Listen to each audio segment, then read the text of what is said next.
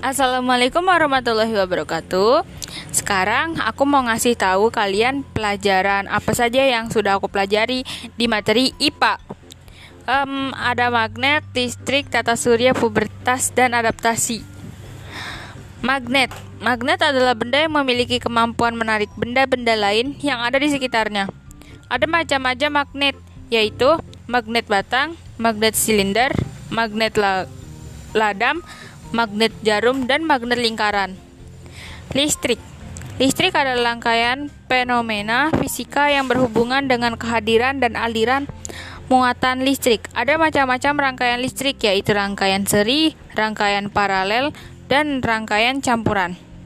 Tata surya Tata surya adalah kumpulan benda langit yang terdiri atas sebuah bintang yang disebut matahari dan semua objek yang terikat oleh gaya gravitasinya.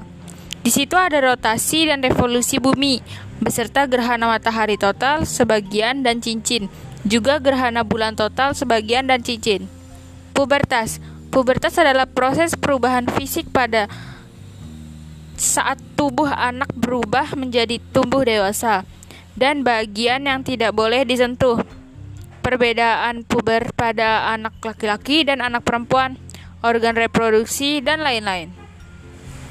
Yang terakhir, adaptasi. Adaptasi adalah cara organisme dalam mengatasi tekanan lingkungan sekitarnya untuk bertahan.